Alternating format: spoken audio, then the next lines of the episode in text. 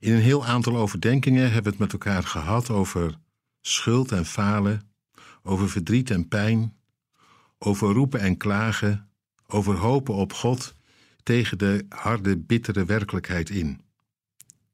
Ik wil deze serie besluiten met twee liederen die een andere toon zetten. Ik zei het al, de psalmen zijn vol van uh, die klacht en van die roep en van de verbijstering, maar het psalmboek eindigt daar niet. En uh, ik wil van, vandaag daarom eindigen met uh, twee liederen, Psalm 149 en 150, die een andere toon zetten met recht en reden, die eigenlijk al een preludium zijn op de toekomst van God, waarin de tranen zijn gedroogd. Het leed is geleden. Psalm 149 nu. Halleluja, zing voor de Heer een nieuw lied. Roem hem te midden van zijn getrouwen. Laat Israël verheugd zijn over zijn machtige maker. Het volk van Sion juichen om zijn koning. Laten zij dansend zijn naam loven, bij lier en tamboerijn voor hem zingen. Ja, de Heer vindt vreugde in zijn volk. Hij kroont de vernederden met de zegen. Laten zijn getrouwen juichen in luister, nog jubelen als zij te rusten gaan. Met een lofzang voor God op de lippen en een tweesnijdend zwaard in de hand. De volken laten boeten, de naties bestraffen, hun koningen in boeien slaan, hun leiders met ketenen binden. Het geschreven recht aan hen voltrekken. Dat is de glorie voor al zijn getrouwen.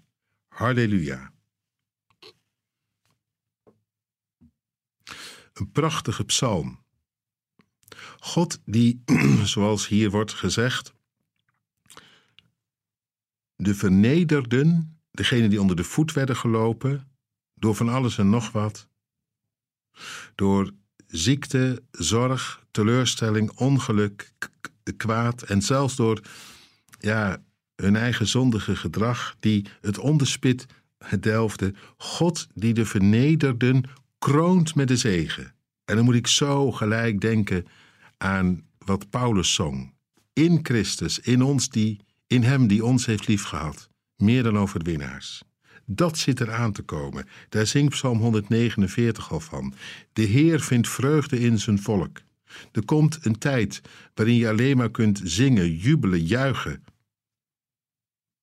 Laat Sion juichen om zijn koning, zo staat hier. En dan denk ik, ja, een beetje kort door de bocht misschien, maar toch, dan denk ik gelijk aan Jezus. De koning die zich gaf, de koning die de beslissende slag sloeg, de koning die de overwinning behaalde, de koning die het voor mij opneemt en mij verlossen en mij verlossing bereiden zal. En dan samen met hem de overwinning vieren. En al datgene wat zich tegen hem verzette, dat wordt dan onder de voet gelopen. Daar eindigt dit lied. Paulus die zei het later zo: alle vijanden uh, wordt hij de baas.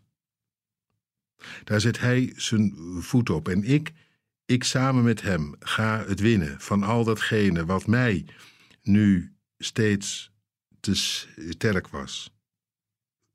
Koningen worden in boeien geslagen en leiders worden met ketenen gebonden. Dat wat het hoogste woord had, dat wordt voorgoed het zwijgen opgelegd. Het geschreven recht wordt aan hen voltrokken. Huiveringwekkend, maar ook hoopvol. Want zo staat er aan het eind van dit lied: Dit is de glorie voor al zijn getrouwen. Halleluja.